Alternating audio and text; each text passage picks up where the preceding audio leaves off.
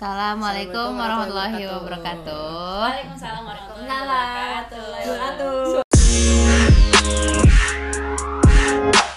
Jadi teman-teman kembali lagi di podcast minggu sekali. Yeay. Yeay. Sekarang ada hunya. Rame nih cewek semua Ya rame banget nih saya pagi-pagi jam 6.51 ya kita udah berkumpul 6.51. Iya. Karena ini ngobrol. orangnya sibuk-sibuk kan. orangnya sibuk-sibuk pokoknya emang harus harus pagi banget. harus pagi gitu. banget karena Kalau bisa sahur sahur iya kalau misalnya siang ke malam itu udah udah nggak kebagian lah waktunya Iya, betul. kayak gitu Bener-bener. nah hari ini kita kedatangan teman lagi di Iya. segmen tanya teman Iya, dua tamu perempuan. dua tamu perempuan cia Assalamualaikum. Ini udah pernah ada nih Kak. iya yang satu yang satu ini yang Kanume itu udah pernah uh, ngisi di Episode podcast lima. episode 5 yang Iya. tentang Yang sayup-sayup lah Iya. audionya. mohon maaf ya Yang mic-nya belum. yang blokingnya mic-nya belum bener dipakai doang dicolok doang nggak berfungsi. Jadi yang belum denger coba balik ke episode 5 itu Iya, keren ada. lah ya. keren lah tentang muslimah produktif Masya Allah. Satu lagi sekarang selain Kanume ada temennya lagi satu lagi sahabat Wah. dekatnya Kanume. Wow. Yeay. Bangga. Oh, oh, oh, oh. Dan jangan title-nya sama. Aduh, Messi. enggak enggak enggak. Enggak juga enggak juga. Dan sahabat dekat kita semua, Cie. Sahabat Nume. Iya, kita lagi duduk duduk deketan. Eh, namanya Kak Cipi. Jauh-jauh loh ini loh. Jauh-jauh dari Margonda. Ini jauh-jauh dari Margonda ke sini ke Depok, Depok Jaya. Ya, cuma beberapa meter doang padahal. Iya luar biasa. Jadi Kak Cipi ini eh, kenapa Kak Cipi eh, kita undang ke sini karena Gue jadi co-host jadi Tentu. Iya, kita gabut ya hari ini. Iya. Jadi yang jadi bener co-host bener bener bener. Moderator. ada moderatornya Kak Kanume. Eh, gini ya caranya. Gabut makin lama. Kalau tiga orang, empat orang, udah dia di sini tepuk tangan. Dia voice control, Iya. voice control. Selalu selalu nonton. Nah Kak Cipi ini eh, dulunya S1 psikologi UI ya kayak Iya. S1-nya di psikologi UI dan Wes, S, gila. ya, Aduh. S2-nya psikologi industri dan organisasi. Berpengalaman kerja di HRD selama lima tahun, Wow. guys. Sudah men apa? Men apa ya? Bertemu dengan banyak karakter manusia lah aja ya sih kasih kasih kasih kenapa eh, akhirnya kita pengen ngobrol-ngobrol sama Kak Cipi soal ini masalah Quarter life Quarter crisis. life Jadi ini crisis. kenapa ngundang Kak Cipi karena berkaitan Punya sama dengan tema ini. Wow. itu Kak Cipi. Padahal dia krisis banget. Iya. Ini juga masih krisis. Udah mau Suka gimana? banyak krisis dalam hidup ya. Iya, Kakak sudah berpengalaman. aduh, aduh, aduh. Tapi krisis. ya sebenarnya sudah ya gitulah. Iya? Sudah berpengalaman di, di dunia kayak gini. Hmm. Oke, kita lanjutin aja eh, ke Jadi kenapa kita Ngambil, akhirnya oh, kita ngambil tema ini? Karena eh, nggak tahu nih banyak yang request. hmm, Eh, banyak. Banyak.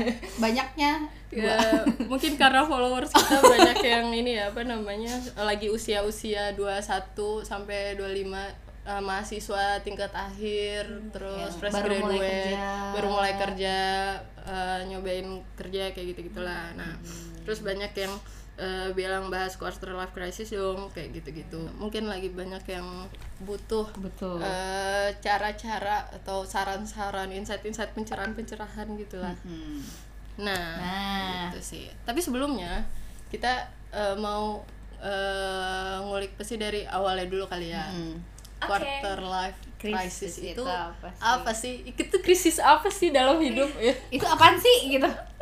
krisis seperempat abad. Mungkin ada beberapa orang yang belum tahu juga. Secara harfiah itu. Iya, secara harga itu. Quarter life crisis, quarter seperempat life hidup, krisis krisis. Iya. Jadi krisis seperempat hidup. Heeh. Jadi itu quarter life crisis itu muncul ketika lo sebagai anak yang tidak kecil lagi tapi masih memulai untuk menjadi dewasa mempertanyakan Mm-mm. tujuan hidup lo itu seperti apa Ah, sih? lo tuh siapa sih? Gitu. Who am I? Gitu. MI ya benar-benar apa gue udah bener nih menjalani hidup nah biasanya itu ketika lo ini selesai kuliah sih jadi kan ketika kuliah masih selfless banget kan lo Mm, mikirin mm, apa-apa mm, ketika lo udah selesai kuliah hidup. nih, ya Belum celup, lo langsung diceburkan ke dalam kenyataan Hmm. inilah kehidupan sebenarnya Hmm. itu di situ biasanya lo krisisnya mulai terjadi gitu. Biasanya quarter life crisis ini ada tiga. Hmm. baca-baca ada tiga menyebut tiga. Finansial pasangan hidup sama Finansial, pasangan hidup. karir. Karir iya. pertanyaan-pertanyaan yang masuk juga itu berkaitan sama itu. Hidup sama karir. Oke. Tapi ya menurut gua Heeh. kalau sebenarnya yang ideal Heeh. harusnya ketika krisis itu sebenarnya lebih krisis sebenarnya mm, eksistensi kita hidup ya sih? Kalau ini kalau gue nggak tahu ya terjadi apa. Misalnya mungkin commonnya banyak di tiga hal itu tapi gue rasa yang sebenarnya terjadi adalah kita belum tahu uh, priority atau purposes of life-nya gitu loh. Jadi kayak banyak banget yang ter- dikhawatirkan tapi sebenarnya kita khawatirkan itu mungkin sebenarnya purposesnya atau tujuannya. Jadi makanya kayak oh Oh, ini iya. apa ya? Ini apa ya? Oh ini kali ini kali. Karena menurut gua gua nggak tahu tipe orang tiap orang mungkin beda-beda ya tapi krisis yang terjadi di usia-usia yang sudah matang itu Hmm. mungkin lebih banyak ke situ kenapa makanya at, at the end dia nanya kan who am I gitu loh karena itu mendescribe banyak hal banyak peran dalam hidup kayak kayak gitu Hmm, iya. Iya. sebenarnya kayak belum tahu tujuannya gitu soalnya bakal mempertanyakan ulang sih kayak saya gue mempertanyakan. udah punya belum sih tujuan hidup ini gitu Oh. Atau yang sekarang itu gue mau ke mana ya sebenarnya. Sebenarnya kalau identity crisis ini selalu terjadi sih dalam hidup kita. Maksudnya dari kita kecil pun dari lo bayi lo eh, dari lo bayi terus lo jadi umur lima tahun terus lo remaja sampai dewasa itu selalu ada identity crisis dan itu berubah. Nah kenapa eh, quarter life crisis ini hits banget happening banget karena itu sebenarnya karena lo sudah mulai berpikir gitu loh purpose hidup lo apa terus kayak perubahan signifikan terjadi dari lo yang awalnya safe banget aman banget tidak berpikir apa apa jadi harus berpikir. Kan ini disebut juga kayak uh, paradox paradox of uh, decision gitu. Jadi di uh, fase ini sebenarnya uh, kalau misalnya share teorinya ini dari 25 sampai 40 pun orang 30 ke atas masih menghadapi krisis krisis ini itu. gitu ha, ha. jadi ketika di dalam fase ini lo selalu bertanya-tanya lo dan lo harus selalu harus mengambil keputusan gitu biar lo selamat dari krisis ini Nah, gitu. oh iya, sebelumnya kan kita pernah ngobrolin ini. Terus Chip itu mention sebenarnya crisis ini is a good thing. Yes. Benar nggak? Iya. Nah, mungkin bisa kita elaborate kali ya. Kenapa ini good thing sebenarnya? Dan jadi nggak peng justru ketika orang punya kekhawatiran ini itu sinyal bagus gitu loh. Sinyal bagus ya, benar. Artinya ada kesadaran yang tumbuh dalam diri dia kan sebenarnya gitu. Jadi nggak apa-apa gitu. Jadi nggak apa itu normal banget. Jadi Itu kan normal. tanda tandanya ketika lo menghadapi uh, quarter life crisis ini lo mempertanyakan diri lo lo uh, demotivasi lo Iya. merasa loneliness terus lo merasa apa ya merasa tidak mampu. Pokoknya hal-hal negatif itu menyerang tiba-tiba langsung menyerang. Wah kenapa sih gue seperti ini? Makanya lo ujung-ujungnya bertanya ini gue hidup untuk apa? Tujuan hidup gue apa? Lo gue udah bener belum sih di pet ini? Gitu terus lo mulai membandingkan diri lo dengan orang, Orang lain, lain, gitu. iya, nah gitu. kalau sebenarnya ada berapa berapa ada lima fase tuh ketika lo menghadapi krisis ini. Mhm. yang pertama pertama itu lo mempertanyakan diri lo. Bertanya mempertanyakan diri kita dulu ini. Yes lo mempertanyakan diri lo udah bener belum ya ini gue hidup? Gitu. Makanya di sini tuh cenderung kalau misalnya lo nggak bertahan lo akan depres banget di sini gitu. Lo akan merasa tidak berdaya banget di sini. Ini fase pertamanya gitu. Tapi once lo udah bisa keluar dari ini lo akan powerful banget. Karena nanti kan eh, kita akan menemui krisis-krisis yang lain nih. Nah krisis ini bisa jadi model kita. Karena udah kejawab kan, lantas lo udah punya landasan basic banget. Apa. tapi sebenarnya pertanyaan kayak gitu bisa muncul sebelum di usia 25 juga kan? Eh, sub ya bisa sebenarnya. Tapi kan bisa itu banget sih. menurut itu generalisasi aja. Oh, maksudnya generalisasi. 25 sampai 40 itu Oh. ketika lo sedang eh, itu apa namanya mencari identity lo. Identity. Gitu. tapi kalau misalnya nih lo eh, udah duluan udah Hmm, duluan dewasanya di umur dua dua dua lo sudah harus menghadapi kenyataan kalau lo emang berjuang untuk hidup ini ya bisa aja muncul. Hmm, tapi kan cenderungnya kalau eh, secara generalnya ya ketika lo kuliah lo masih belum masih Iya. aman lah ya gitu. ketika lo mulai kerja baru lo bertanya-tanya. Tuh mungkin karena itu eh pada saat kita udah punya apa namanya eh kesempatan buat memilih sendiri gitu nggak sih kak? Maksudnya kalau misalnya dulu zaman SMA oh ya gue lulus SMA eh dap- eh, bisa ikut tes PTN segala macam dapat PTN bagus terus eh, pas berarti kan achieve nih misalnya terus misal, eh, dia udah masuk universitas terus ya udah gue dapat kerjaan bagus misalnya gitu.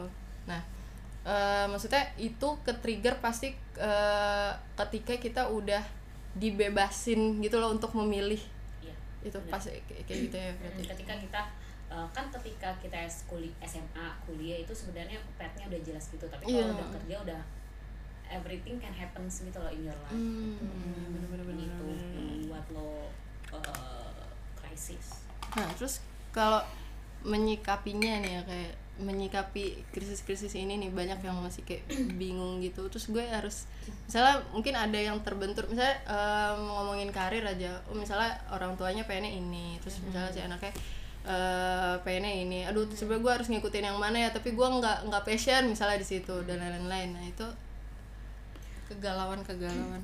ya sebenarnya itu galaunya itu campur banget ya maksudnya di satu sisi kita belum sih itu. kita belum tahu kita maunya apa Mm-mm. terus di sisi yang lain orang tua misalnya ya signifikan others kita berharap kita akan seperti Iya, apa uh-huh. kan bingung ya kalau misalnya kita udah tahu kita mau seperti apa kan enak kita enak bisa ngejawab uh, even lo mau bisa. ngejawab Iya. ataupun nurutin enggaknya lo tahu gitu. Nah, sebenarnya ada beberapa cara sih, tapi ini yang enggak ya cocok-cocokan sih Iya, kalau ha, ngomong ha. seperti ini ya. Ha. Yang pertama lo harus emang lo harus apa ya lo harus takes time untuk mengetahui lo tuh eh, inginnya apa tanpa comparing dengan orang lain Hmm. gitu. Jadi lo Tanpa eh, comparing dengan orang lain itu yang bikin depresi. Hmm. Karena lo punya pet sendiri gitu. Nah, lo boleh lo boleh apa ya lo boleh mengaca dari keberhasilan orang lain melihat orang lain itu seperti apa boleh tapi once lo mengcompare diri dengan orang lain itu yang gak sehat Hmm. Itu yang membuat membuat depresi lo bertambah stres lo bertambah. Jadi yang pertama ya eh, lo harus tahu lo harus take your time untuk mengenali diri lo. Lo bisa Kenal baca lebih banyak baca lebih banyak lo nonton film kayak lo datang seminar kayak apa pun yang bisa meng- mengelaborasi apa sih eh, yang gue inginkan gitu. Nanti lo akan ketemu sih jalannya gitu ketika lo udah berusaha untuk eh, apa ya memfulfill itu semua gitu mungkin kalau gue nambahin gue nge-share mungkin bukan dari theoretically ya tapi misalnya by, based on experience Iya, ya. gue kalau dibilang benar quarter which is saya 25 tahun nah ada satu keputusan banget yang menurut gue gede banget yang gue ambil di usia pas banget 25 tahun itu. Jadi kalau gue hmm, sebenarnya pertanyaan tentang yang identity ini mungkin gue ditarik duluan gitu. Gue pertanyaan identity ini tuh di awal 20 gue di waktu gue masuk kuliah lah gitu semester 3 4 tuh gue banyak questioning soal itu gitu. Cuman uh, saat itu gue ngerasa oke gue jalan mulai dari apa yang paling gue bisa dan paling apa yang gue suka. Oke. nah itu mungkin kalau teman-teman yang paling masih bingung mau startnya dari mana mungkin startnya dari situ dulu. Baru nanti nyari-nyari tahu kayak HB bilang dari sana sini nanti makin ketemu jalannya gitu. Nah cuman itu itu dari awal.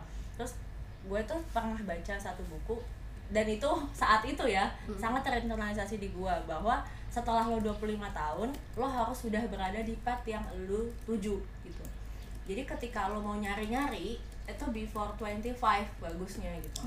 Kalau lo mau eksperimen Eksplorasi lo mau gitu-gitu. eksplorasi sebenarnya. Nah itu tuh dan itu terjadi banget di diri gue sih. Gue tuh umur kayak umur 20 sampai 25 tuh gue ke sana kemari ke sana kemari ke sana kemari kan gitu nah di situ emang gue ngerasa kayak after 25 ini kayak gue harus banget udah settle dalam artian settle ini adalah gue berada di path gue sehingga gue udah kerucut aja ke atas gitu loh nggak nyari nyari di mana lagi. Nah saat itu posisinya waktu itu gue dari net tuh. Dan waktu itu gue inget banget sebenarnya kan kalau sebelum sebelumnya gue udah wah gue udah ngerasa karir gue di net banget nih segala macam gitu loh. Wah ini udah passion passion udah masuk gitu. Karir udah dapet gitu Aduh, jenjang iya. karir udah bagus gitu. tapi nah gue mau ngaitin nih sebenarnya crisis of life sama hijrah sih menurut gue. Menurut gue itu satu pasangan yang paling tepat sih ketika Iya, kita krisis itu udah paling sebenarnya every stage of life ketika kita lagi krisis itu paling bener udah mendekat sama Allah kan. Dan menurut gue untungnya waktu 25 itu gue keinget lagi sih sama kayak misalnya hal-hal yang gue pelajari dulu saat mungkin waktu ngaji apa apa gitu. Kayak misalnya oke even di pet ini gue nggak deket ke dia nggak ya? Gitu. nah, baru dari situ gue ngerasa wah kayaknya nggak bisa nih.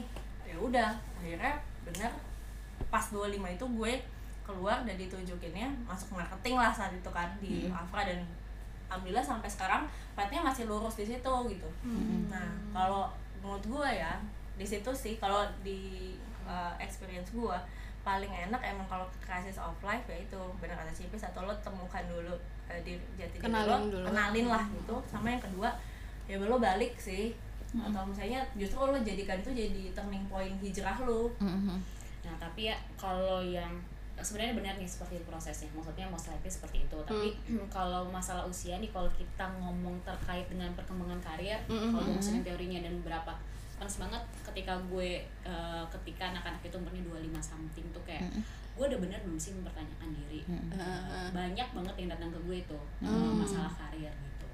Ini passion gue seperti ini gue di di sini eh, bermasalah nggak ya? Seperti itu kayak seperti itu. Sebenarnya kalau kalau dalam karir ini perkembangan karir that's okay lo 30 lo masih mencoba-coba tuh that's okay banget. Gitu. itu nggak masalah banget karena emang eh, dari dari ketika lo fresh graduate sama 30 tuh emang saatnya lo untuk mengelaborasi. Ada yang kayak Nume eh, langsung ditunjukkan jalannya ketika umurnya 25 26 udah tahu nih pathnya di mana. Ada orang yang eh, masih belum tahu ke mana masih elaborasi terus sampai umurnya 30 elaborasi terus itu nggak masalah. Karena itu eh, orang ada jalannya masing-masing kan tapi poinnya adalah lu jangan diam di satu titik gitu ketika lo udah udah udah mengalami kegala kegalauan lo stuck lo diam di satu titik itu nggak benar gitu. Lo coba elaborasi diri aja gitu. Ya nggak masalah lo mencari kerjaan lain atau lo datang seminar lo baca baca lo sharing dengan orang tuh nggak masalah banget gitu. Sampai lo tahu nih nanti nanti ketika lo apa ya ketika lo emang itu jalan itu akan kelihatan sendiri sih Oh, gitu benar-benar. Di tingkat elaborasi ini menurut gue ya, sangat disayangkan kalau orang yang masih umur 20-an punya ketakutan untuk coba. Yes. Oh. Itu menurut gue, menurut gue itu sayang banget, banget, gitu loh. Lo masih ben Itu masa Gila. emas ya? Enggak, maksudnya gue akhirnya ngomong kayak gini ya, gue kan maksudnya kayak gila, gue tua kira. banget. Akhirnya ngomong gila kalau awal 20-an lo coba banyak-banyak deh gitu. It- it's- gue, kita kan sering denger ya kayak gitu ya. Dan gue di stage umur gue sekarang, gue akan ngomong kayak gitu ke orang yang akan awal 20-an It's really good things banget lu coba banyak hal. Iya. itu privilege sih bagi anak-anak umur 30 under 30 ya lo bisa mencoba segala sesuatu kan segala sesuatu. Karena nanti ya kenyataan hidup akan terbentur lagi gitu. Iya, Ada- iya, ada, bener, bener, ada bener, bener. peran lainnya. Misalnya nih Lu kalau gue kan nikah, masih single apa, ya jadi kayak gua gue juga. masih masih bisa mencoba nih karena konsekuensi hidup gue masih dikit banget tapi masih masih gak terlalu Masih banyak. kan kita sendiri. masih diri kita masih sendiri. sendiri. tapi once lo udah nikah nih nanti nih lo akan berpikir dua kali untuk eh, untuk Mencoba lo- sesuatu. mencoba karena Oh. konsekuensinya banyak. Seperti itu. Maksudnya ketika lo masih muda life your life to the fullest aja. Jangan ragu-ragu ketika lo merasa oh kayaknya ini bagus deh coba aja. Eh, coba eksplorasi segala macam ya. gue kan pas lo bilang oh gue mau ngangkat tema ini gue langsung lihat tulisan gue yang dulu-dulu gitu kan. Asik. ternyata bahkan di tumblr gue titlenya adalah I refuse to grow up. Gue sekeras itu sekali ya. Itu ya. Gue paham gue juga sering tuh ngeliat balik lagi ngeliat gue di umur 20, 21 itu kayak refleksi diri gitu loh. Oh ternyata gue seperti ini Iya benar pas ini. gue liat gila emang nih masa-masa kejayaan berpikir banget sih. Iya, bener. gue merasa pas tulisan gue giling ini gokil banget. Maksudnya umur-umur segini tuh Wah. keistimewaan Lu lagi tuh menggebu-gebu. gitu. keistimewaan yang hanya dipunyai anak muda itu adalah idealisme Idealisme. jadi pastikan ketika lo di stage itu ya udah lo begitu gitu Iya. Nah, sama ini sih satu lagi kan sekarang lagi emang mental health lagi ini banget Nah, iya, betul. banget ya Mhm. Nah, kan uh, quarter life crisis ini emang em, pemantik banget untuk mental health Mental yang, health. yang, yang, yang yang jelek lah ya nah itu gue pengen share sih maksudnya once lo merasa lo depres lo stres lo punya pikiran nggak salah lo uh, mengkomunikasikannya dengan orang lain. Gitu Hmm, karena cerita. Mm, cerita karena manusia itu emang fitrahnya berkomunikasi Iya. gitu loh lo tidak akan bisa eh, menyelesaikan ketika lo sendiri aja gitu. Once misalnya nih lo berdoa ya lo harus berdoa lo harus meminta kepada Allah karena yang punya kita anyway kan Allah kan tapi eh, part lo bercerita dengan orang lain itu sungguh akan mengurangi beban lo. Gitu. Lo jangan ditahan Sepakat, sendiri. Oh gitu. sama be kind to yourself. Sering banget nih. Don't uh, don't. Eh, Too gue- hard. eh, eh, gue to sering merasa orang-orang yang depresi itu karena eh, too hard eh, to their self gitu. Jadi Hmm. terlalu apa ya terlalu terlalu terlalu apa dengan diri sendiri terlalu keras gitu. Hmm. tapi gini kerasnya dalam uh, quotes on quotes karena dia mengcompare gitu loh. Iya. kalau keras dalam arti lo fight ambisi ya nah itu menurut gue positive things Nah. tapi hard itu kadang merasa hard itu karena lo terlalu compare sama orang itu jadi kayak ah Terus orang tuh bisa gini. lo tidak mengapresiasi diri lo sama sekali. Misalnya nih lo karena lo mengcompare dengan diri diri dengan orang lain bukan mengcompare dengan diri lo sekarang dengan yang kemarin.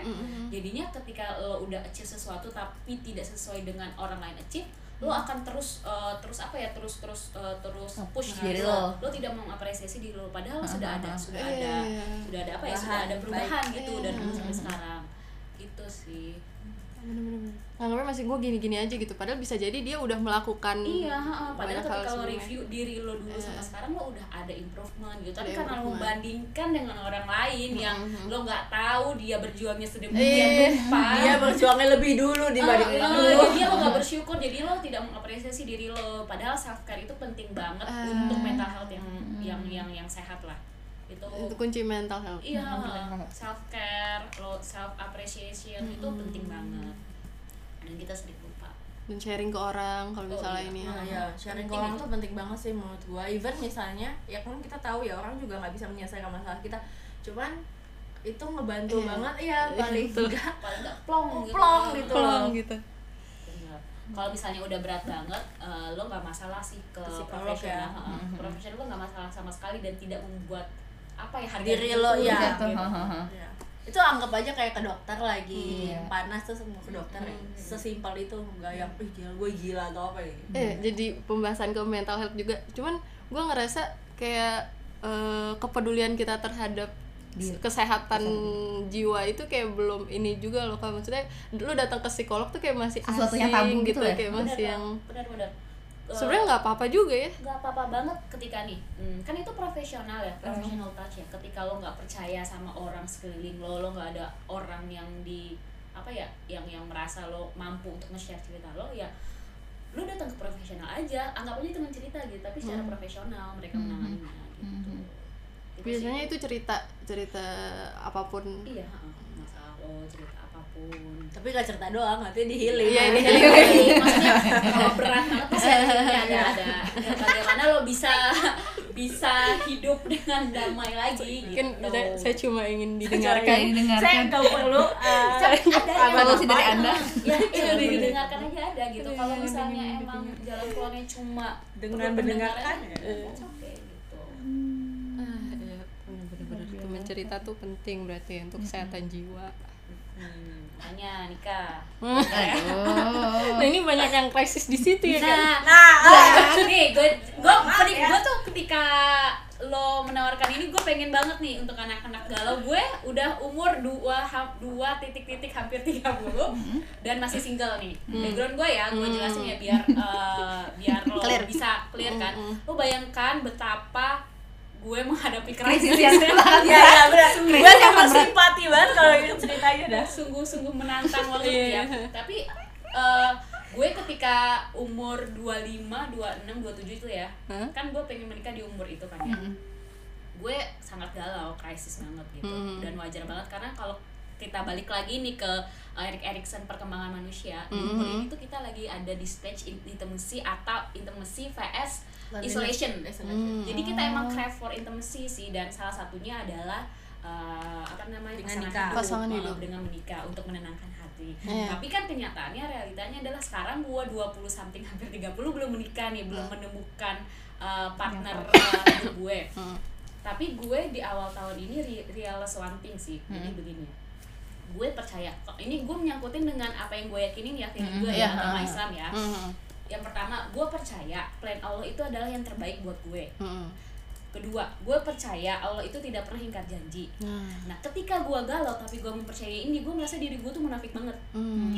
ngerti nggak? Jadi Oh kayak iya iya iya. gue iya. percaya nih Allah udah menci uh, apa namanya Waktu, udah mempersiapkan uh, uh, plan terbaik buat hidup gue. Jadi apa pun yang Allah rencanakan adalah yang terbaik. Even gue masih single sampai sekarang mungkin itu adalah yang terbaik yang Allah siapkan ke gue. Terus gue percaya janji Allah tuh tidak pernah Allah tuh tidak pernah ingkar janji hanya satu yang Allah tidak bisa Hmm. Tidak bisa Mengingkari lakukan. janjinya. Mengingkari janjinya. Mengingkari Banget janjinya. ya. Nah, Allah telah menjanjikan apa di Al-Qur'an? Maksudnya kita berpasang-pasangan orang baik dengan orang baik. Nah, Iya. ketika gue galau tuh berarti gue mengingkari ini gitu loh. Jadi gue merasa orang yang eh, apa sih lo Cip lo di satu sisi lo percaya, Percaya, seperti ini uh. di sisi lain lo galau. Ya sebenarnya manusiawi manusiawi banget sih galau, tapi ketika gue galau nih, gue langsung gue langsung uh, otak Balik. langsung uh, balik, lagi. Balik ke Cip, lagi- ke situ lo yakin gak dengan Allah lo yakin gak dengan plan Allah langsung seperti itu sih. Jadi kayak langsung tenang gitu healingnya ke situ ya? Dan langsung kayak uh, balik lagi tujuan hidup gue apa nih? Langsung lagi balik tujuan hidup gue apa? Salah satunya dengan menikah iya. Tapi ada dengan cara lain kan untuk mencapai tujuan hidup itu. Jadi sekarang belum nikah bisa dengan cara yang lain. Bisa dengan cara yang lain. gitu karena lo akan menyia-nyiakan waktu lo ketika lo galau. Hmm. misalnya lo galau berapa dalam seminggu berapa jam Tuh.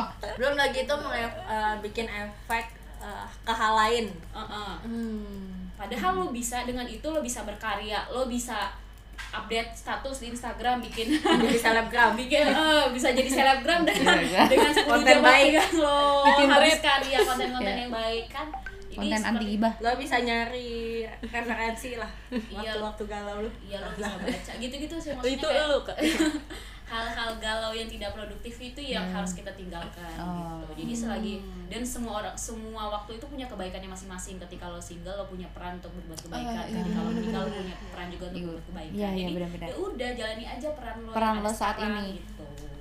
setuju setuju eh tapi gue juga pernah denger tuh dia ada ustazah gitu beliau menikah usia gue lupa 29 atau berapa gitu terus dia dia akhirnya men- mensyukuri hal itu karena itu tuh masa-masa apa bisa kontribusi banyak banget terhadap segala hal gitu. Akhirnya dia ya udah berarti emang Allah tuh lagi ngefloatin beliau itu eh, buat banyak kontribusi di ranah ini ini ini ini, ini gitu. baru kontribusi di keluarga ya. bener bener bener bener Benar ya. Ketika misalnya nih lo udah misalnya nih gue udah sekarang gue udah di usia udah di posisi ini ketika balik lagi pasti kita akan ini ya realize kalau indah banget ya plan Allah itu Ah, sebenarnya. iya, Allah iya. ini gitu. Selalu Nah, seperti itu kan. tapi tetap aja ketika di jalannya kita galau. Kita galau. Nggak percaya sama plan Allah gitu. Sabar ya sabar gitu. Sabar gitu gitu. Manusiawi. itu manusiawi. Betul.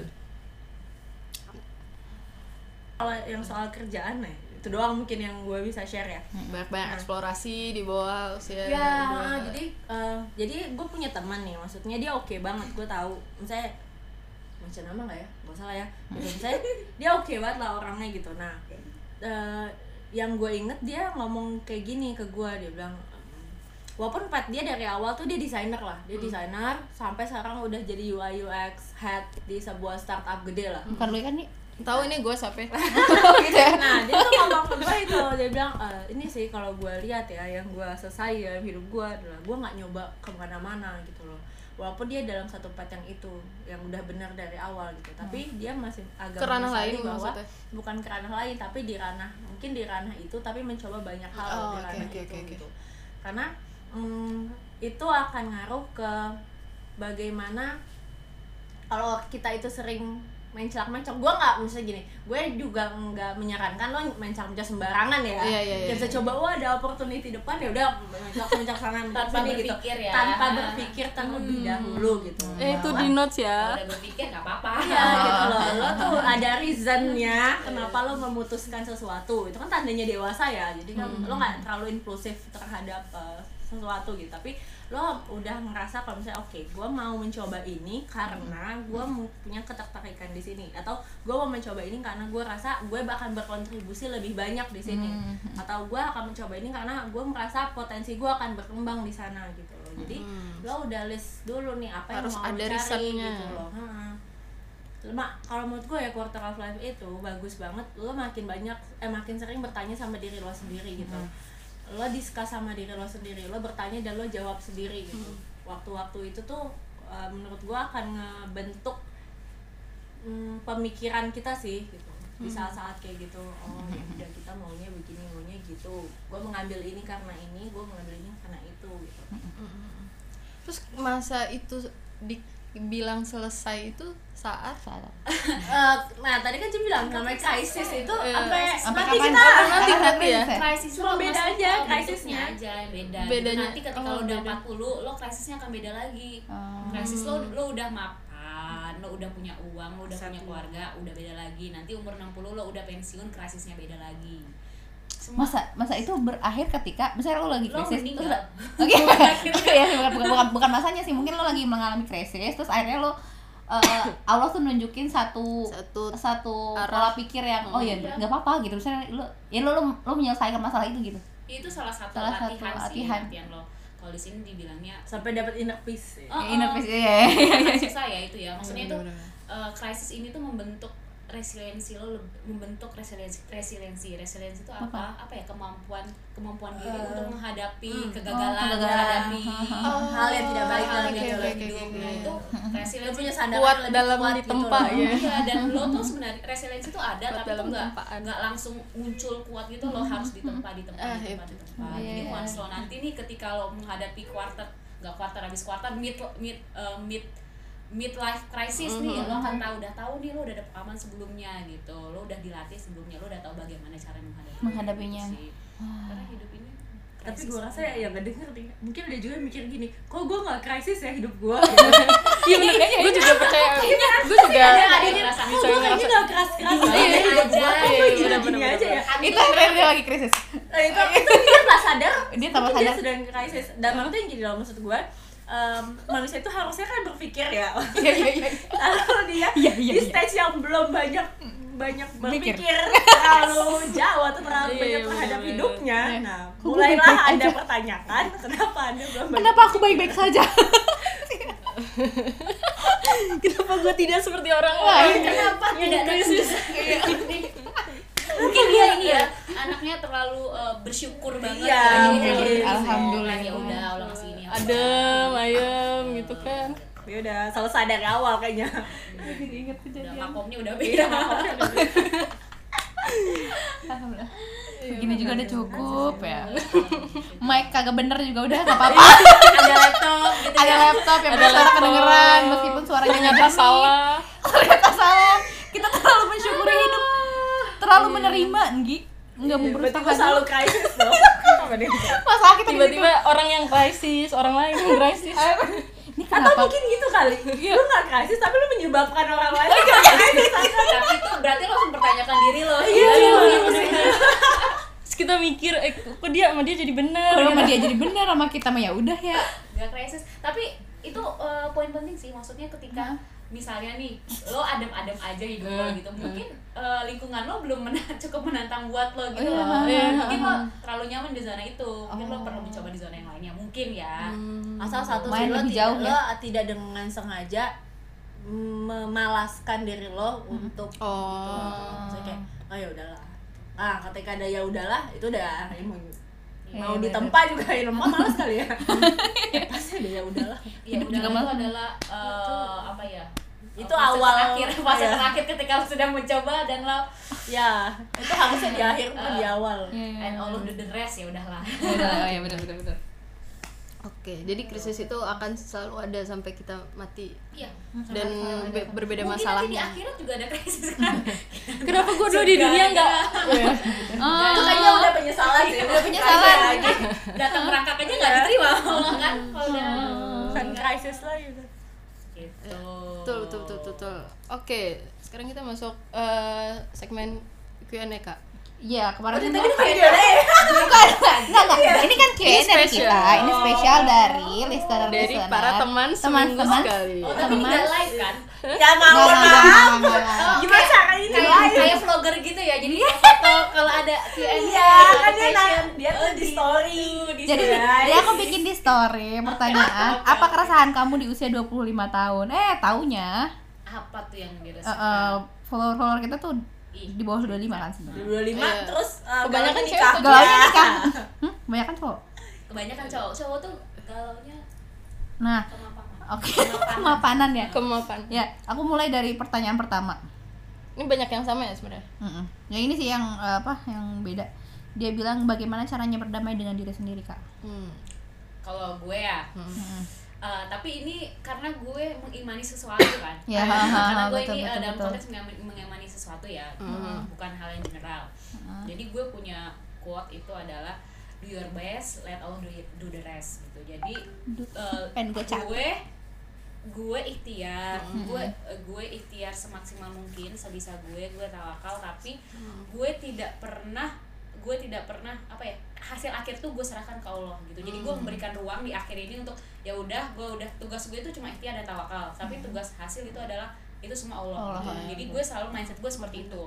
Itu karena itulah yang membuat gue membuat gue berdamai dengan diri sendiri. Karena eh, kalau anak yang ambisius itu akan memahami sih maksudnya. Gue dulu lebih ambisius maksudnya ambisius yang bener-bener tidak ada tidak ada arahan gitu loh kayak ketika lo jatuh lo sakit banget gitu tapi eh, gue mencoba mencari ilmu agama ya jadi kayak oh gue paham gue harus memberikan ruang hasil akhir itu eh, adalah tugasnya Allah bukan tugas kita mau se mau seikhtiar apa pun ketika Allah bilang ya udah yang terbaik itu seperti itu hasilnya ya udah gitu. Hmm. Kalau- Jadi lo tidak akan ada apa ya, tidak akan ada penyesalan, yang Penyesalan. berat. karena lo udah tugas lo ada ikhtiar dan tawakal. Gitu.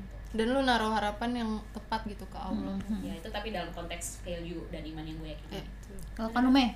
Eh, nah kalau gue tuh ada dua sebenarnya Em, pertama ketika misalnya di cara dealing dengan diri sendiri itu kalau gue kan bener ya kita harus ikhtiar sampai ini sebenarnya udah kayaknya udah gue sampaikan waktu Mm-mm. podcast terakhir cuma gue ulang nggak apa-apa ya Nggak apa-apa. jadi kalau gue itu gini ketika gue kan sangat keras sama diri gue pada proses ikhtiar. Mm-mm. kalau pada proses ikhtiar tuh gue akan keras banget sama diri gue sendiri gitu.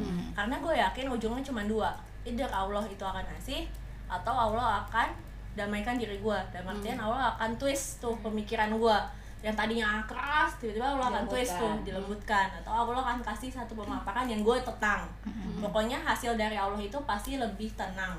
Gitu loh. Kalau diain gue tenang atau kalau gue nggak diain gue akan dikasih sesuatu yang gue tenang. Jadi menurut gue gue nggak akan keras sama diri gue sendiri karena gue yakin at the end gue akan tenang. Mm-mm. Karena lo sudah menyerahkan hasilnya ke Allah. ya Ya, gitu. benar-benar jadi kalau eh, di gue sih gue punya kewajiban keras sama diri gue di sisi ikhtiar Yes. tapi di situ ah, gue karena gue hasil. yakin ya karena gue yakin hasilnya kalau gue udah ikhtiar benar-benar total Allah akan kasih ketenangan gitu di jawaban dia dan tidak Yes.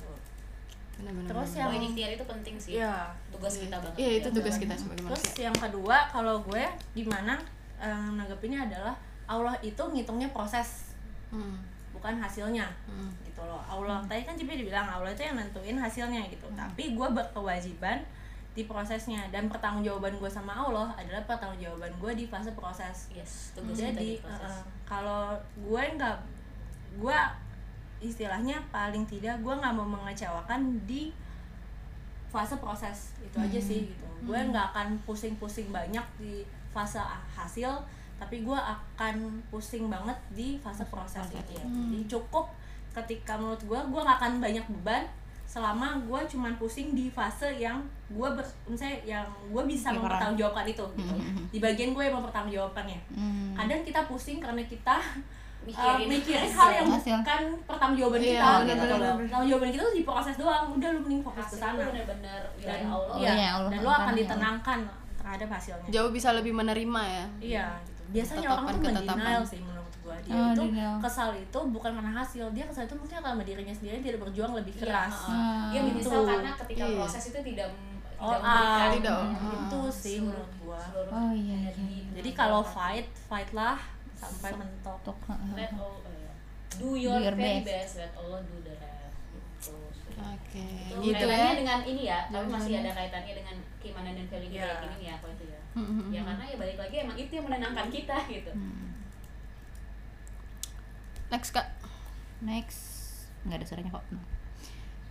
Belum bebas finansial. Hmm. Nah, gimana finansial Belum bebas finansial. Oh dia krisis Iya, krisis karena itu. dia dia belum bebas finansial. Karena gua rasa emang 25 itu bukan fase bebas finansial sih. Hmm. Iya, sih? dia itu apa pertanyaan gimana Kan Nggak, aku nanya kayak apa keresahanmu di usia 25? Dia bilang belum bebas Oh, finansial. Atau dia punya target bebas finansial lebih Iya cepat mungkin kali dia ya. punya, punya ya target. sebenarnya wajar banget 25 ya ke, karena Itu lo hal bukan rich wajar. pips ya kalau rich pips ya umur 25 lo bebas finansial ya bisa ya. 10 keturunan ya tapi ketika lo emang tidak dilahirkan sebagai rich pips ini kita realita aja ya emang fasenya Fase belum justru bebas bukan finansial gitu ya Ah, kecuali lo belum. sudah berpikir visioner dari umur lo 10 tahun ya 25 Iya. bisa Ah. bebas finansial Iya, iya. the real thing is ya sekarang itu ya tugasnya kita untuk berpikir Mm-mm. berpikir keras terus berpikir secara strate- strategis di mana di usia misalnya 10 tahun lagi atau 15 tahun lagi kita ber- bisa Ber- berpikir uh, bisa bebas finansial Hmm, gitu gitu Ah, jadi Iya. enggak dia lagi Iya, krisis. jadi Oh, masih umur apa-apa 25 mah emang Emang lagi- masa ya, sama sekali duit gitu aja lah. gitu. Sama Ya, kecuali saja. kalau ditarik belakang umur 25 lo harusnya uh, umur 10 tahun lo itu umur 25 sekarang gitu bisa tapi kalau Iya. misalnya seperti ini ya udah jalani aja gitu dan lo harus ini sih kalau emang lo punya cita-cita bebas finansial itu lo harus tahu strateginya maksudnya kayak ya lo nggak apa bisa yang menyebabkan apa Iya. definisi orang bebas finansial Iya. itu ketika apa dan lo tarik mundur strateginya gitu Iya, dan namanya bebas finansial nggak bisa dengan lo bekerja iya tidak bisa lo beker, bekerja Lo keras tuh lo bisa. nggak bisa bebas finansial harusnya? Bebas finansial tuh uang lo uang lo udah muter sendiri. Udah Iya, muter udah sendiri. lo harus invest kalau kalau kata orang asli lo harus Nah. investasi kalau Iya, lo bisa iya, bebas benar. finansial finansial udah kan? Ketika kerja aja lo se- sekeras apa pun nggak akan bisa. Jadi lo nyari duit buat invest. Kalau duit lo udah invest semua udah muter lebih gede Udah. dibanding kerjaan lo udah. Mungkin Ya lo udah udah. bisa bilang lo udah bebas finansial Oh, gitu. kalau lo masih bekerja sama orang dan mengandalkan duit ya udah lah nggak bisa itu. Bebas finansial tapi poin is ya. umur 25 emang waktunya, Waktunya kita tuh fight ya? untuk fight gitu untuk mempersiapkan ya. Mempersiapkan, finansial Iya bebas betul betul betul. Jadi nggak apa-apa.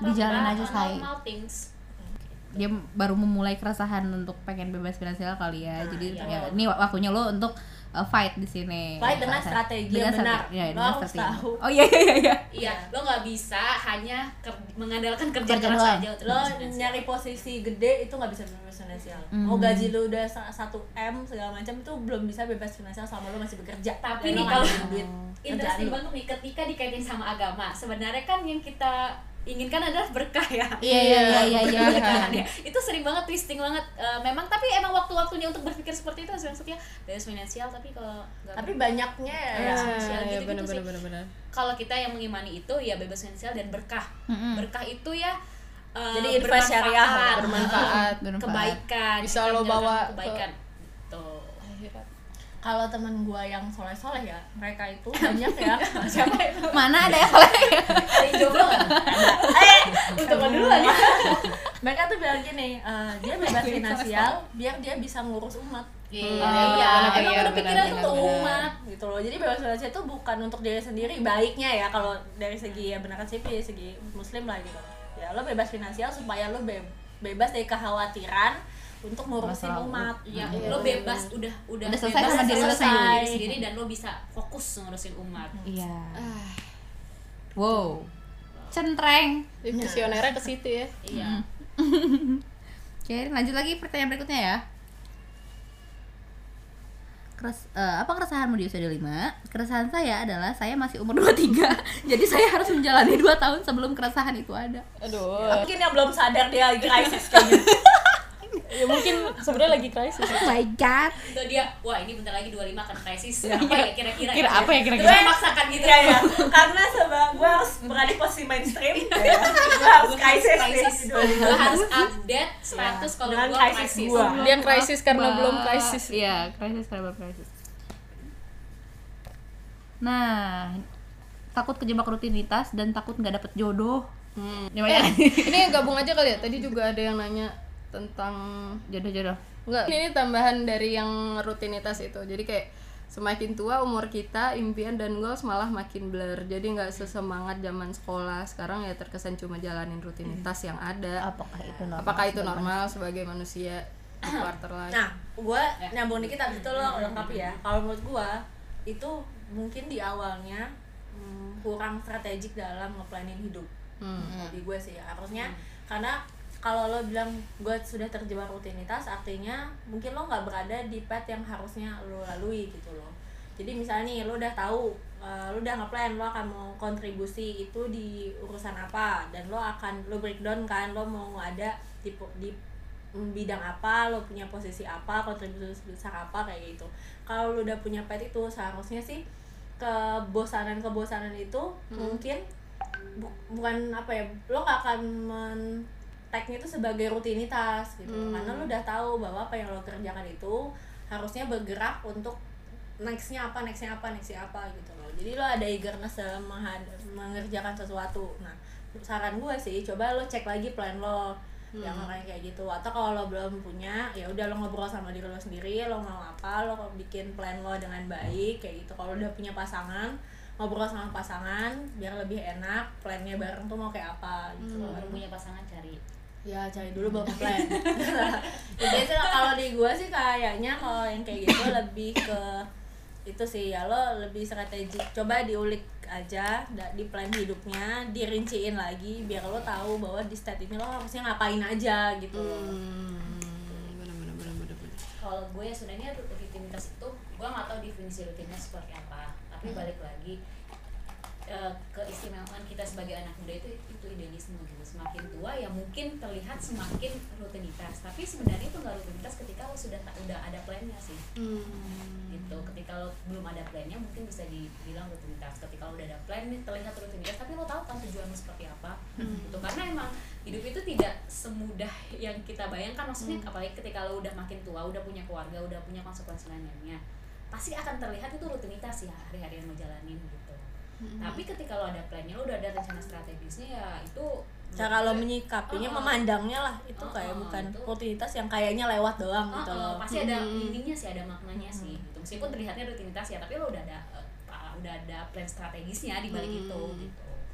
Oke, balik lagi ke plan. Nggak bohong kan gue teman gue udah ada teman gue uh, mau selek 90% sedih 90 gue 10 persen ya. Sudah berkeluarga dan Sama anak ya. 10%. oh ya makasih loh honeymoon aku Nah, juga Eh, kan sering cerita-cerita dengar cerita mereka emang seperti itu maksudnya kayak hidup itu seperti itu gitu loh. Maksudnya kayak makin lama makin lo eh, gitu-gitu aja terus lo akan susah untuk eh, let's say kayak masih kayak lo mahasiswa dulu gitu. Idealisme lo tinggi lo turun kontribusi ke masyarakat bla bla. Tapi kan mungkin ketika lo menikah lo punya anak ada hal lain gitu loh. Maksudnya kontribusi itu definisinya lain bentuknya lain seperti itu.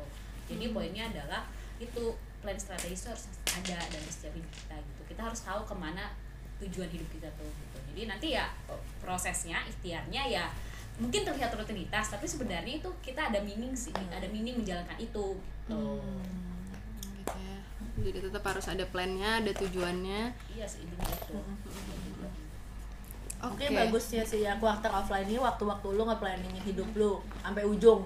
Jadi ya jadi planning hidup lu nggak cuma buat hari ini atau satu eh, hari ke depan, tapi kayak misalnya lo nge-planningin hidup lu sampai ujung mau kayak apa, mau ke mana, terus lo tarik mundur, lo bisa apa, lo akan kontribusi di mana di sebagai diri lo sebagai seorang muslim atau sebagai seorang warga negara atau iya apa gitu. sebagai masyarakat. Banyak banyak baca banyak banyak ngelihat eh, cara berpikir orang-orang hebat gitu.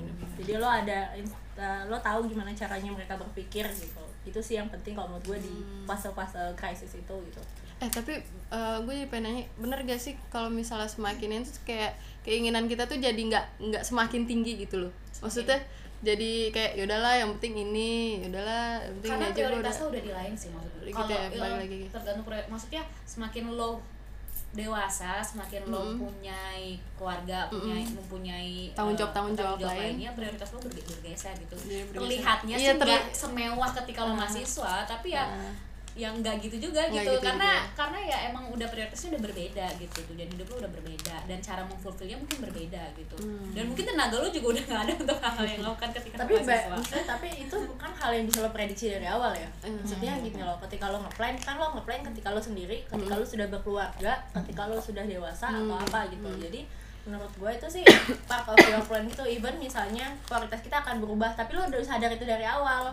Gitu loh jadi misalnya sekarang prioritas gue adalah uh, yang karena gue masih sendiri makanya prioritas gue adalah gimana caranya kontribusi dan karya gue itu banyak dan uh, bermanfaat bermanfaatnya lo definisikan sendiri gitu. Apa apa sampai semana skalanya segala macam gitu. benar-benar. dan ketika lu sadar lo di fase berkeluarga gue juga nge-state bahwa kontribusi gue di keluarga itu harus apa? Misalnya jadi istri yang punya anak kayak bisa mendidik kayak apa Iya, apa gitu. apa apa kontribusi gitu gue untuk masyarakat adalah di anak gue. Gue mendidik Iya, anak gue gitu. gitu nggak langsung ke masyarakat tapi ke anak gue.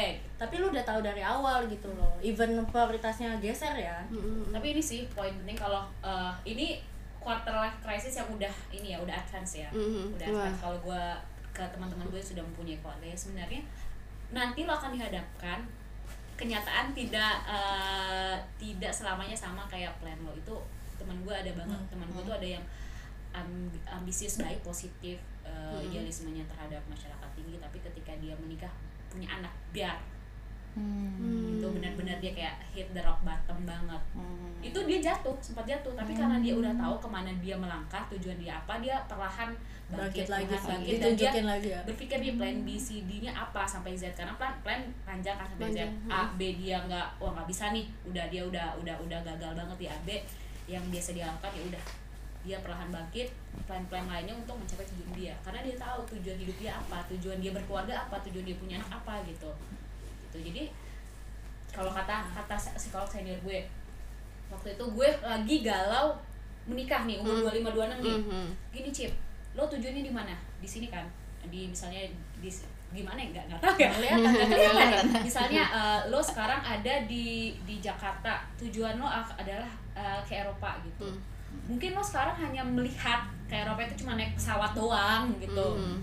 terus lo nggak nggak nggak eh, apa naik pesawat itu eh, mahal bagi lo. Nggak nggak mungkin kan nggak possible Hmm. terus lo stuck. Jadi eh, lo stuck di sana. Jadi lo nggak ber- nggak berhasil mencapai tujuan lo. Padahal sebenarnya jalan menuju Eropa tuh banyak gitu. Tapi lo lo aja nggak bisa ngeliat itu. Lo bisa naik sepeda nih kayak kayak eh, Ini- omnya kawan Iya, gitu.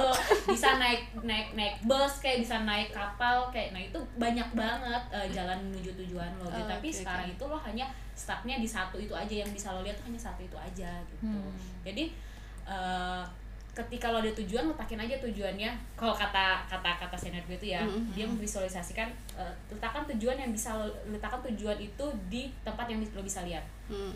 masalah petnya itu bisa banyak banget gitu asalkan lo tidak melenceng lo lo mau ke mana dulu ke mana dulu ke mana dulu ke mana dulu baru nyampe tujuan lo atau lo lurus aja bisa mencapai tujuan lo gitu Nah, gue nambahin dikit. Nah, terkait sama misalnya ketika lu udah tujuan dan something happen in your life sehingga lo merasa bahwa kayaknya wah gimana nih gue mau mencapai tujuan gue itu Hmm.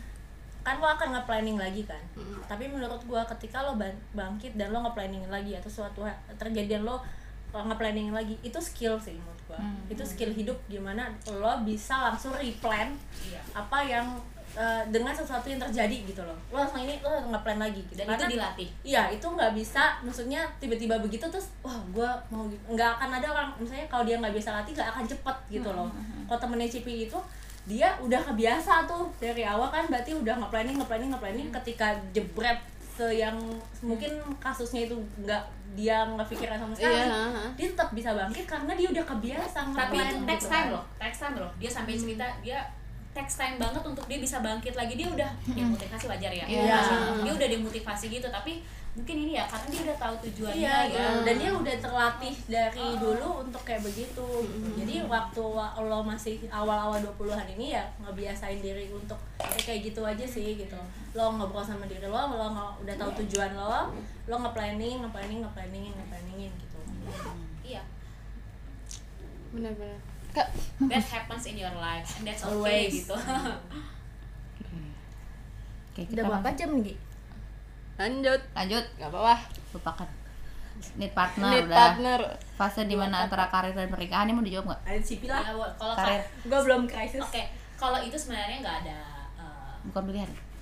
eh maksudnya dia itu Gimana, galau gimana? nikah dulu Nikah atau dulu. fase atau- di mana antara karir dan pernikahan mungkin memilih salah Oh satu mungkin dia udah ada calon, Oh. terus dia. Oh, iya mungkin tapi karir. masih pengen Atau lo belum ada calon tuh soalnya. kalau misalnya lo belum ada calon Karir jangan dulu deh. jangan Kita galau. gitu ya? gini, gini gue dulu pernah dalam satu ketika gue masih muda umur 24 ya gue galau nanti kalau gue gua gua kalau di eh kalau gue kerja nanti gue eh, susah nikahnya. Padahal kagak ada calon gitu. Gue udah Iya. mikir hal yang yang yang tidak ada di depan mata. Itu menurut gue adalah kebodohan tapi nggak bisa belajar sih. Iya, iya, iya, kalau iya, gue iya. nanti ke Notes gimana? dulu ya kalau galau, nanti cek dulu udah ada calon. Udah ke. Kalimantan ke sini ke sini nanti kalau gue nikah gimana? Padahal kan ada. calonnya itu adalah kebodohan masa muda yang indah. Oh, iya. Harus luar biasa. disyukur ya cek dulu udah ada calonnya cek belum? dulu ada calon Ya, kalau misalnya ada kalau calon udah calon enak galaunya bisa Enak ngobrol sama dia Ya, gitu iya. loh. kalau udah things, Enak real things bisa didiskusiin gitu. Tapi yang pasti kalau gue ya kalau gue masalah pernikahan ini ya ketika lo menikah itu eh, bukannya bu- kalau menjadi dua itu kan menjadi ini ya menjadi lebih baik ya. Bukan malah lo menjatuhkan satu sama lainnya dan menghambat mimpi-mimpi lo malah ketika lo berdua itu bisa melesatkan semua mimpi-mimpi lo melejitkan semua mimpi lo. Harusnya kalau konsep pernikahan ideal bagi gue seperti itu ya dengan lo berdua. Malah jadi lebih icingnya. Heeh, melejitkan mimpi lo bukan Satu ngedorong menyatukan ya. mimpi. Ya? Heeh, satu bukan ngedorong satu menarik. Oh iya iya. iya. Gitu. lo mak sama-sama makin kuat gitu. Jadi tidak ada yang dirugikan harusnya dalam pernikahan itu. Even itu terlihat merugikan pada tapi kalau udah dealing merugikan ya. kadang orang kan ngelihat kalau misalnya jadinya istrinya di rumah kalau dia S2 gitu-gitu. Ya tapi kalau misalnya emang dari awal dia merasanya Iya. bahwa dia itu adalah yang gua harapkan gitu loh. Jangan ini lah gue cara gua ngedorong dan iya gua akan ini. Yang melejitkan mimpi mereka ya that's okay gitu. Kan tahu ya cuma mereka sih. Gitu ya. Jadi jawabannya jangan Semoga galau udah calon dulu lah Oh, Nanti kalau udah udah calon calon, dia udah diskusiin. tahu Itu Gitu. gak, gak enak galaunya. masalahnya iya masa kalau lo udah misalnya udah kadang orang juga gini dia udah punya calon dia mau milih karir apa kerja tapi em, apa ya menurut gue dia nggak bisa fight karena belum ada plan rigid gitu loh kayak misalnya nih kalau kalau enak tuh orang kalau udah sama-sama udah mature dalam artian dia ah ya Allah gue so tau banget ya dia dia eh, lo lo visi lo apa si cewek visinya apa nah lebih enak kan ngobrolnya gitu mimpi lo apa iya masing-masing jadi gitu. ketahuan gitu Iya. loh nanti hambatannya di mana kalau menikah hambatannya di mana gitu. Berarti Apa kalau udah harus- ada- apa yang harus dikorbankan apa yang harus diperjuangkan gitu Iya, lebih tahu lah gitu loh menganalisisnya so tahu gimana. banget ya Ya. Kan teoretically Nggak gitu. ya, ya. ya at least gue dulu pernah mengalami kegal Kegalauan, kegalauan, ya. kegalauan nikah atau karir ya tapi menurut gue tidak ada calon. kebodohan di masa muda Gak ya, apa, gak apa Tapi yang biasanya galau itu sih ya nggak sih? Iya. Karena gak ada calonnya. Kalau udah ada calon tuh nggak galau tinggal ngobrolin gitu. Ada kan galau. Cuma di dirapikan lagi ya. Aduh, gemes banget obrolan pagi ini. Lanjut, lanjut, lanjut. Dari subuh loh. Ini cocok buat anak rantau Kacipi lagi ya bisa jawab. Nggak punya temen karena nggak karena ngerantau di pulau luar Jawa. Susah nemu temen di sini yang sefrekuensi. Eh, tiba sih gua ngomong. Dia susah menemukan temen yang sefrekuensi di sini di tempatnya di tempat merantau ya. merantau Mhm, sefrekuensi ya ya mungkin lo belum mainnya belum Jauh. jauh, aja Hmm. gitu merantau itu ada fase-fasenya gue udah 11 tahun anyway merantau Eh, Depok Kak aja. Cipi 11 tahun merantau sendiri dari semester 1 kak kuliah dari 2008 sampai sekarang 2019 11 tahun luar kan biasa. selama 11 tahun itu gue hidup sendiri loh 11 And tahun? I'm survive Wow, keren. Gue biasa dan dia sehat-sehat aja. Antara survive sama sudah terbiasa Sudah sendiri. terbiasa sendiri. Sudah terbiasa Sudah terlalu lama jangan sampai gue nyanyi nih di sini. sedih banget ya kalau gue lihatnya itu mungkin coba cari dulu maksudnya mungkin mainnya kurang jauh gitu. Kalau misalnya frekuensi dia apa sih? Mungkin dia ya sukanya apa nih misalnya suka baca ikut klub cari kan di internet sekarang banyak ya Iya, iya. klub baca Kalimantan Selatan Asik. nah kalau misalnya anak-anak ngaji Heeh. Iya, Ikut pemuda hijrah Pemuda hijrah, Iya. hijrah. mungkin bisa lihat dulu nih Yuk, di online-nya dulu kali ya forum-forum di online-nya terus nanya-nanya Iya, bener. eh, Main lah. main-main iya benar-benar sih. banyak eksplorasi ya banyak eksplorasi Karena orang itu banyak kayak di dunia ini ya. Iya, orang itu banyak banget ya. Iya, ya, lu punya karakter apa tuh banyak ada. pasti. Pasti Mau di akan menemukan. pasti ada. tapi mungkin dia ini sih ada. merasakan ini sih. Apa namanya? Loneliness ketika lo Loneliness. jadi ketika lo jadi anak anak kos anak rantau nih ya gue di awal-awal itu fight banget dengan loneliness gue. Gila awalnya gue ada keluarga di sini. Gue gue nangis sendiri tiap malam. Dengar lagu apa nangis. Nangisnya tuh malam-malam. Karena kalau siang-siang kan ketemu teman ya. Kalau malam-malam gue merasa sendiri. Dua tahun gue menghadap dua tahun awal gue puasa tuh ya Allah hal yang terberat Aduh. gila itu. Terus idul adha kan gue juga jarang pulang kan. Kalau mm pulang idul adha tuh gue denger mbe mbe tuh gue nangis. Maksudnya emang segala itu ketika lo di rantau di masa-masa awal di dua tahun awal dua tahun awal lah ya satu sampai dua tahun awal tuh emang galau banget gitu loh. Jadi lo merasa sendiri lo udah mencari tapi nggak dapet merasa sendiri terus tapi yakinlah lo belum terlalu jauh untuk mencarinya gitu Iya, benar benar benar. lo cari aja terus selalu ada kok mulai dari online dulu aja terus baru offline online kan lebih mudah kan iya ya ha, benar-benar benar-benar Oke, lanjut. Keresahanmu apa di usia 25? Masih 225 masih 22 sih Min, tapi tekanan master bikin saya serasa 25. Terus ada lanjutan. master Heeh, jadi kayak dia kuliah di mana sih di Turki gitu. gimana gimana Nah, terus eh, ada lanjutannya lagi. Hmm. Dia bilang eh dia tuh bingung mau double master atau S3 atau selesai aja tuh studinya dia bilang gitu. gini ya kalau masa sekolah ya hmm, soalnya edukasi Udah mulai galak nih. Mahe.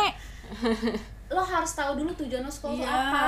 Jangan Maka- eh enggak lebih gimana ya? mungkin dia dapat opportunity iya sih. iya tapi even itu dapat opportunity. Lo harus jelas ya apalagi lo jangan udah master gitu loh. apalagi ketika lo mengambil S3 jangan mengambil S3 kalau tidak tahu tujuan hidup lo. Maksudnya kalau master mungkin bisa sekarang kan master udah di mana-mana ya maksudnya udah banyak banget cash lo uh, mau ngambil master karena lo ingin memperbaiki pekerjaan lo atau karena ya udah seneng aja ngambil master karena beasiswa ada di mana-mana dan lo pinter gitu ya tapi ketika lo ngambil S3 lo harus tahu tujuan hidup lo tuh apa gitu gitu. S3 tuh nggak nggak nggak mudah gitu dan lama kan kalau nggak tahu lo dan itu susah pokoknya hi- kehidupan S3 itu nggak semudah itu gitu Nah, apa dia kan galau tuh mau ngambil double master atau mau ngambil S3, S3. atau Makanya selesai aja. dah. Pertama, lo ngapain ngambil master yang pertama? Lo harus tahu dulu, baru misalnya lo udah tahu, baru kalaupun mau double master atau S3 itu akan relate. Misalnya nih lo mau jadi praktis, ya udah lo usah ngambil double master, itu akan lebih ngaruh di Iya. kerjaan lo. kalau lo sekarang dosen Kalau lo researcher, ah, ya dan udah. tahu mau mau jadi dosen apa ke mana, udah lo akan Oh, am- ngambil oke, pusing, oke, lo akan langsung S3 PhD pasti. aja udah gitu. Itu sih harus tahu. Itu permasalahan anak sekarang sih gue tuh melihat Maksudnya- kayak, kayak gue anak dulu ya. Tapi itu happens banget gitu. Iya. dan gue tuh cukup orangnya menyayangkan ya. Gue gue mungkin eh, barisan sakit hati dalam artian gue pengen sekolah tapi mungkin opportunity belum datang nah untuk orang yang sudah punya kemampuan kayak gitu maksud gue lu jangan sia-siakan lah gitu. Lo kan menang dia eh, lo misalnya lo diterima karena ada orang-orang yang gagal gitu loh. Hmm. nah maksud gua lu udah diterima nih. So lu harusnya punya plan yang lebih baik dibanding orang yang gagal. Nih untuk terang gua dan oke, beasiswa oke, oke. Karena di luar sana Oh, banyak ya. kalau gue lihat lapangan kerja ya gue kan HR lah ya. Iya. Jadi udah udah sering melihat anak-anak zaman sekarang yang jadi banyak dia belum tahu apa-apa terus mau master aja terus ketika tujuan lo apa sih master? Hmm. habis master apa mau kerja? Atau lo mau nganggur? Pasti lo pasti akan bekerja kan gitu kan? Di di di, di field mana pun tapi pasti lo akan bekerja kebanyakan tuh nggak gue nggak mau nggak mau mengeneralisir sih. Tapi ada yang gue temukan nggak tahu mau kerja apa? ke mana, Eh, ke mana? Ah, nggak mau Itu sayang ke mana banget karena sih, emang gitu, ketika menurut S2 gua. dia ngambilnya karena ada kesempatan dan dia nggak mikir gitu loh gitu nggak strategis mikirnya ambil ngambil aja gitu gitu sayang banget seperti itu nah kalau misalnya lo masih galau bisa eh, konsultasi ke gue ya kan biar biar tahu maksudnya Biar Iya, iya, ini benar, kan benar. informasinya informasinya nggak banyak kan biar gue tahu informasi Iya. seperti apa karena gue sering banget menghadapi case seperti ini sih Oke, Oh. nanti bisa Galau follow Kak Cipi Cipio ya di Cipi Instagram. Cipio. At Cipi Cipio. di bawah ini Nih bawah ini. Galau Tahu loh. Kegalau. Stanford atau Harvard? Aduh. mungkin yang galau itu udah tahu tuh mau apa habis masuk habis master Hmm, harus tahu sih karena kan Iyalah, esainya esainya ya bagus bagus Oke. Keren dia, keren. Gitu ya, semoga terjawab. Hmm. Ada lagi Ada lagi masih banyak. masih ada Jangan sedih, masih banyak pertanyaan. Dia resah mati tua apa mati muda? Terus udah berkarya apa ya gua? Oh, udah berkarya apa ya gua? Dia rasanya, duh gue udah berkarya ber- berkarya apa ya gue dia bilang gitu. Terus dia juga, gue bakalan mati tua apa mati muda nih gitu. ya kalau berkarya apa ya itu balik ke plan sih Mm-mm. but that's a good thing kamu udah mikir itu gue udah berkarya apa sih itu udah that's good thing sih least lo berpikir lo harus Lo mempersembahkan harus- sebuah karya ya Iya, Kayak benar. Oke. kalau mati tua mati muda mah yang penting matinya khusus Husnul khotimah. usia mah kagak tahu ya Ya, betul, betul. Lanjut, lanjut.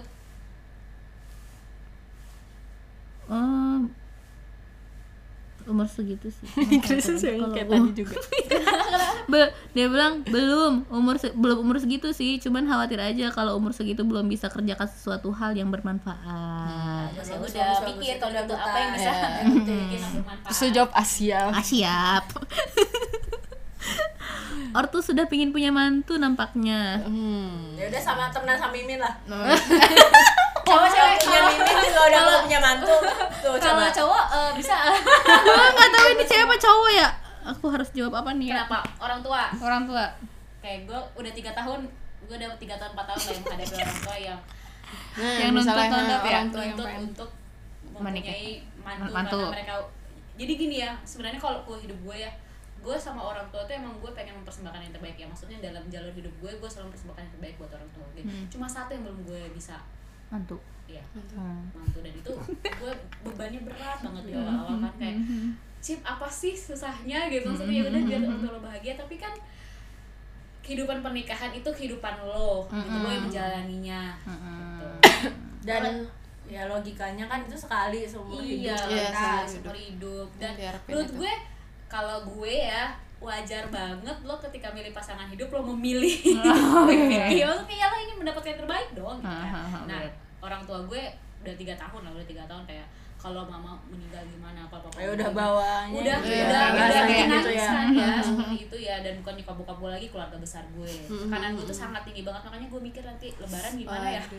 Lu banget sih nightmare ya gue jadi mikir strategi dulu gimana caranya lebaran Lebaran jadi horor ya? Ya angpau lebih tebel kali ya? Gue sewa aja ya. Iya, iya. caranya yang pertama ya ini kalau belum punya lo belum punya, Punya pasangan. belum punya pasangan tapi lo sudah ada rencana atau seperti apa nggak tahu pokoknya ini ya gitu udah ada tuntutan dari orang tua udah nanya-nanya yang pertama ya udah lo lo usaha dulu usaha dulu itu cari usaha, ya usaha kalau cari gitu. ikhtiar dulu aja Ikhtiar dulu kalau udah Ikhtiar dulu. Cara yang mungkin lo baik. lo apa ya lo delivery dengan baik sih ke orang tua lo maksudnya ini saya gue udah ikhtiar dan Heeh. Kita tidak Emang tahu, belum bertemu eh, aja belum ya? bertemu gitu karena jodoh jodoh seperti kematian ya basi sih tapi emang benar itu semuanya udah Allah rencanakan Udah Allah rencanakan. Jangan lagi gitu Betul, betul. dan jangan ini sih jangan lelah untuk terus berbakti sih Iya, iya, Dengan meskipun. cara yang lain tapi gitu. gue pernah loh dalam hal misalnya dalam fase yang itu kan dia galaunya mungkin dia ada ke- keinginan juga untuk nikah gitu ya Kalau mungkin ada juga keinginan. iya mungkin ada juga fase yang kayak misalnya gue nih orang tua udah pengen tapi guanya belum pengen gitu loh Ah, ah, ah. jadi kalau kayak gitu majunya ke orang tua ya udah lu kasih tahu lu maunya apa. Tapi orang tua itu gini intinya kok itu pasti mengkhawatirkan kita ya.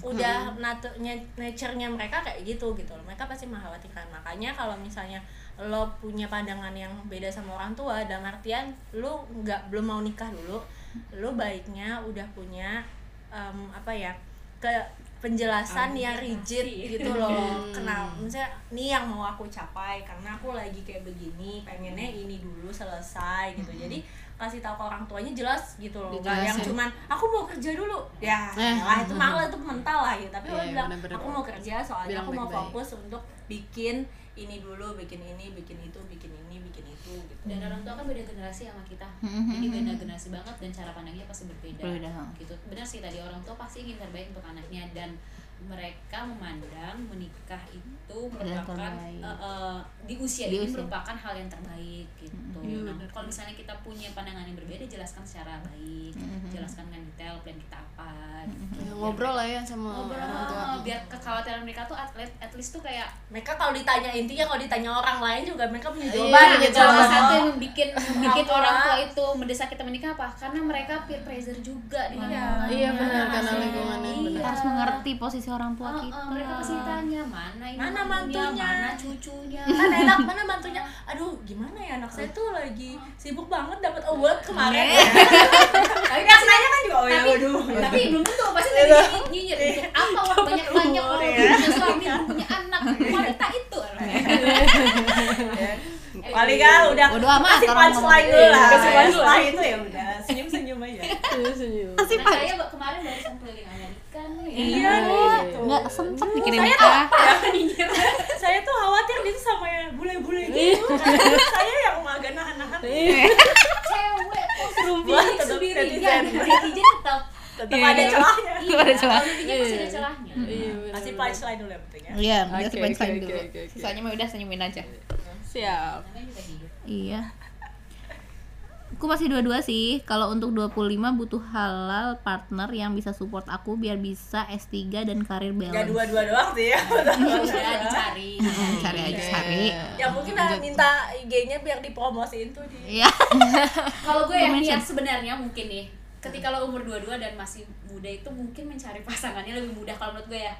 Gue merasa ketika gue semakin umurnya makin tua makin banyak banget yang dikonsider maksudnya kayak pemikiran gue tuh makin kayak makin berat gitu loh. Hmm. jadi gue lebih memikirkan konsekuensinya itu lebih banyak gitu. Mungkin ketika masih muda dulu tuh belum terfikirkan konsekuensi konsekuensi itu. Tapi ketika udah udah udah berumur kayak banyak banget konsekuensi Banyak konsekuensi. itu sih gue merasa seperti itu. yang di- dipikirkan. Oke lanjut. Hmm masih 20 jadi resah mikirin 25 nanti rasain apa Nyanyi resah paling kedua aja. Hmm, gimana? Maksimalin makanya umur 20 tuh maksimalin waktu Iya, dulu tadi ada di to the fullest. Nah, mundur ke menit ke 30-an kayaknya 30-an Ah, kayaknya. benar, Atau 20-an. explore Nanti dulu aja. aku masih 15 jangan follow-follow akun ini ya. Terlalu dewasa dewasa coba kerjaan PR dulu. Oke belum 25 kak. Hehehe. siap. Dia bilang gini ada lagi belum 25 kak hehe tapi kayaknya panggilan hidup udah dijalani apa belum apa masih istiqomah dalam ketaatan Iya. jodoh jodoh lagi jodoh lagi Masya Allah Ukti kayaknya Iya, dia. Ukti. coba istiqomah uh. istiqomah Tahu nih Oh, gua. Nih listener setia. Yang Iya. paling sulit dalam menjalankan ibadah itu apa? Istiqomah Istiqomah. istiqomah duh lanjut Lanjut.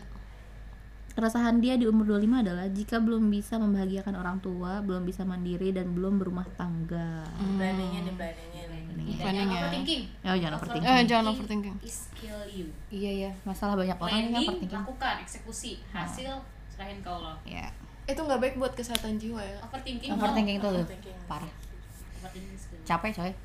Capek Caci Waduh. Capek banget. Capek banget. it happens Bener-bener. Been there Di Dan sekali-sekali masih Oh iya dari sini masih. Oh, Sekali. pasti. eh ya enggak lah sih Iya, itu gue Setiap orang tuh pasti merasakan kayak gitu. Tapi jangan dialur. Iya. karakter juga sih menurut gue Iya ya, bener-bener. orang yang emang terlahir dengan Karena hidup kan ketidakpastian Makanya Iya. kita overthinking Kalau udah pasti mah Iya, benar, benar, benar, benar. Pasti besok besok besok mati gitu kan. Kita mati umur 28 Itu kan Tahu kan kita mau Siap dari umur. udah siap, udah siap siap. Perkara ayah ibu yang nggak percaya kalau emang belum ada cem-ceman dan dikira bohong. Kira-kira dia bilang di usia 25 ini dia tuh masalahnya adalah ayah ibunya nggak percaya kalau emang belum ada cem-ceman dan dikira bohong gitu kalau. Jadi ya coba jelaskan Jelasin kalau kamu udah punya pakai cem-ceman. bahasa Ngobrol orang tua. pakai bahasa orang mungkin gini nih kalau kayak gitu eh, orang tua tuh menganggap lo capable gitu loh. Mungkin lo Oh. cantik ganteng lo Kok belum di- kuliah di yang oke. Kok Belum kenapa ada belum ada cem-ceman? Anak gue padahal tuh kualitasnya oke banget. Aku cantik loh guys anak gue. Kuliah dikomunikasikan sama orang tua. Kikulin. Pikulin. Ini. Apa namanya Mohon maaf Lalu eh, tampan. standar gue tinggi jadi kadang jangan pokoknya dikomunikasikan lah sama orang tua ya. Ya karena orang tua emang, Komunikasi. emang expect eh, apa ya the best for anaknya sih. Orang tua selalu seperti itu. Dan di masa mereka usia segitu tuh udah begitu gitu loh. Jadi dia masih pasti orang tua tuh punya pikiran untuk repeat the same Iya. pattern iya gitu kan. kan orang tua selalu begitu mama umur segini udah gini. Hmm. Eh tapi orang tua ke gue enggak loh, dia nikah umur 35 Tapi sudah menekan gue dari umur 20 mungkin itu pembelajaran. Pelajaran belajar Iya, gue kayaknya merasa terlambat nih di usia segini baru nikah gitu cuy. saya jangan seperti saya. Enggak sih, walaupun itu jadi backfire buat dia. Jadi gue ya. Eh tapi kalau yang ini tuh masalahnya kayaknya dia memang tidak ingin dulu punya pasangan. Misalnya Ya, dia pengen menjaga dirinya dia di- menjaga diri dia untuk tidak mungkin tidak berpacaran atau gimana. Iya, terus Oh, orang tuanya itu oh, orang mempertanyakan tuanya. "Hah, kok kok lo nggak punya cem-ceman sih? Gitu kan padahal nggak mungkin juga lo nggak punya cem-ceman apa gimana gitu oh kali ya ya. udah jelasin aja value dia seperti apa. dia. tapi dia punya Insya Allah nanti yang dibawa itu ya, yang soleh ayah bunda. Terbaik karena Calon moms. Mutiara itu. Gue sering lupa quote-quote Mutiara. Mutiara Aduh. itu terletak laut di yang dasar laut yang Iya. dalam cie Oke. Jangan terjagalah. Udah, udah habis, alhamdulillah pertanyaannya sudah habis itu berapa jam yang kita ini Terakhir deh closing statement kali ya. sudah statement Buat eh, para teman seminggu sekali nih Mm-mm. di usia-usianya yang saat ini dari Kacipi, dari Kanome. closing statement gue kalau gue jadi kalau di sini tentang ini ya tentang quarter life crisis ya. Tadi kita udah ke mana-mana sih Iya. tentang quarter life crisis. Tetap. Mm. Um, sebenarnya nih uh, questioning yourself uh, di uh, usia-usia uh, quarter life crisis itu emang enggak emang emang menyakitkan gitu loh sebenarnya. Uh, tetapi uh, poinnya adalah um, itu adalah momen yang bisa membuat kamu tahu apa sih yang uh, diri kamu inginkan, apa sih yang diri kamu uh, tuju gitu. Hmm. Jadi nggak apa-apa lo mengquestion diri lo karena itu bisa membuat lo paham benar diri lo tuh apa sih yang diinginkan Oh. dan di umur ini di umur umur ini tuh ya lo harus explore diri lo live your life to the fullest dan kalau gue punya hmm, punya punya punya punya punya quote ya tugas lo adalah ikhtiar Mm. hasilnya itu tugas Allah Oke. mantap sih kalau gue nambahin aja sih kayak misalnya gini mungkin kadang-kadang tuh orang yang sudah menjalaninya itu baru baru realize bahwa eh, baru mempertanyakan kembali kan dia itu sedang apa gitu kadang karena satu sih yang gue baca itu bahwa kerja keras tanpa makna itu kayak vonis mati gitu. lo ngejalan lo ngejalaninnya lo sakit tapi ya udah gitu at the end gitu. karena lo nggak punya makna apa pun karena makna itu bisa lo dapatkan dari satu ketika lo udah punya tujuan lo udah tahu uh, lo arah arah ke mana lo tahu apa yang lo mau tuju gitu. Nah berarti di waktu-waktu yang sudah lo mulai pertanyakan ini banyak berdiskusi sama diri lo sendiri gitu. Banyak juga baca buku bagaimana orang berpikir gitu. Biar lo ada knowledge tambahan gitu. Gimana sih uh, misalnya gue itu uh, harus menghadapi atau harus berpikir tentang hidup itu kayak gimana. Kadang kita itu mau mikir tapi kita nggak tahu apa yang harus dipikirkan gitu. Atau bagaimana cara berpikirnya gitu. Coba cari banyak baca bagaimana orang-orang itu berpikir tentang hidup gitu. Tentang filosofi tentang makna. Jadi dia bisa tuh nge-stretch dari situ.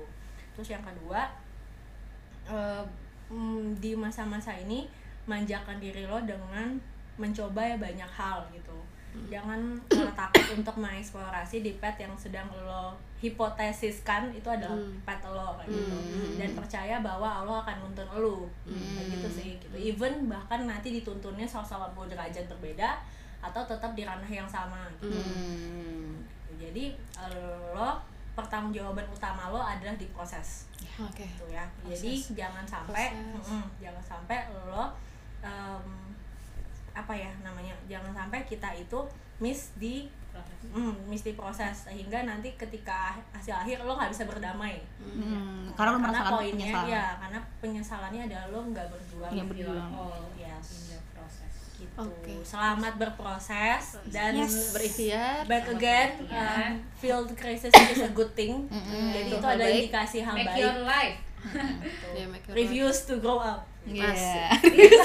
no itu siapa terus kayak gitu. tuh usia gua Become- 21 becoming an adult kan sering banget gitu ya Twitter kan kayak becoming an adult is hard things to do. Ya, lebih baik menjadi anak-anak. Hmm. anak-anak banyak banget yang pemikirannya. Ya udah oke. down. iya Eh, Dap. bentar lagi nih. Ah open the new digit ya. Welcome to the new di digit. dulu ya gue nggak belum sih.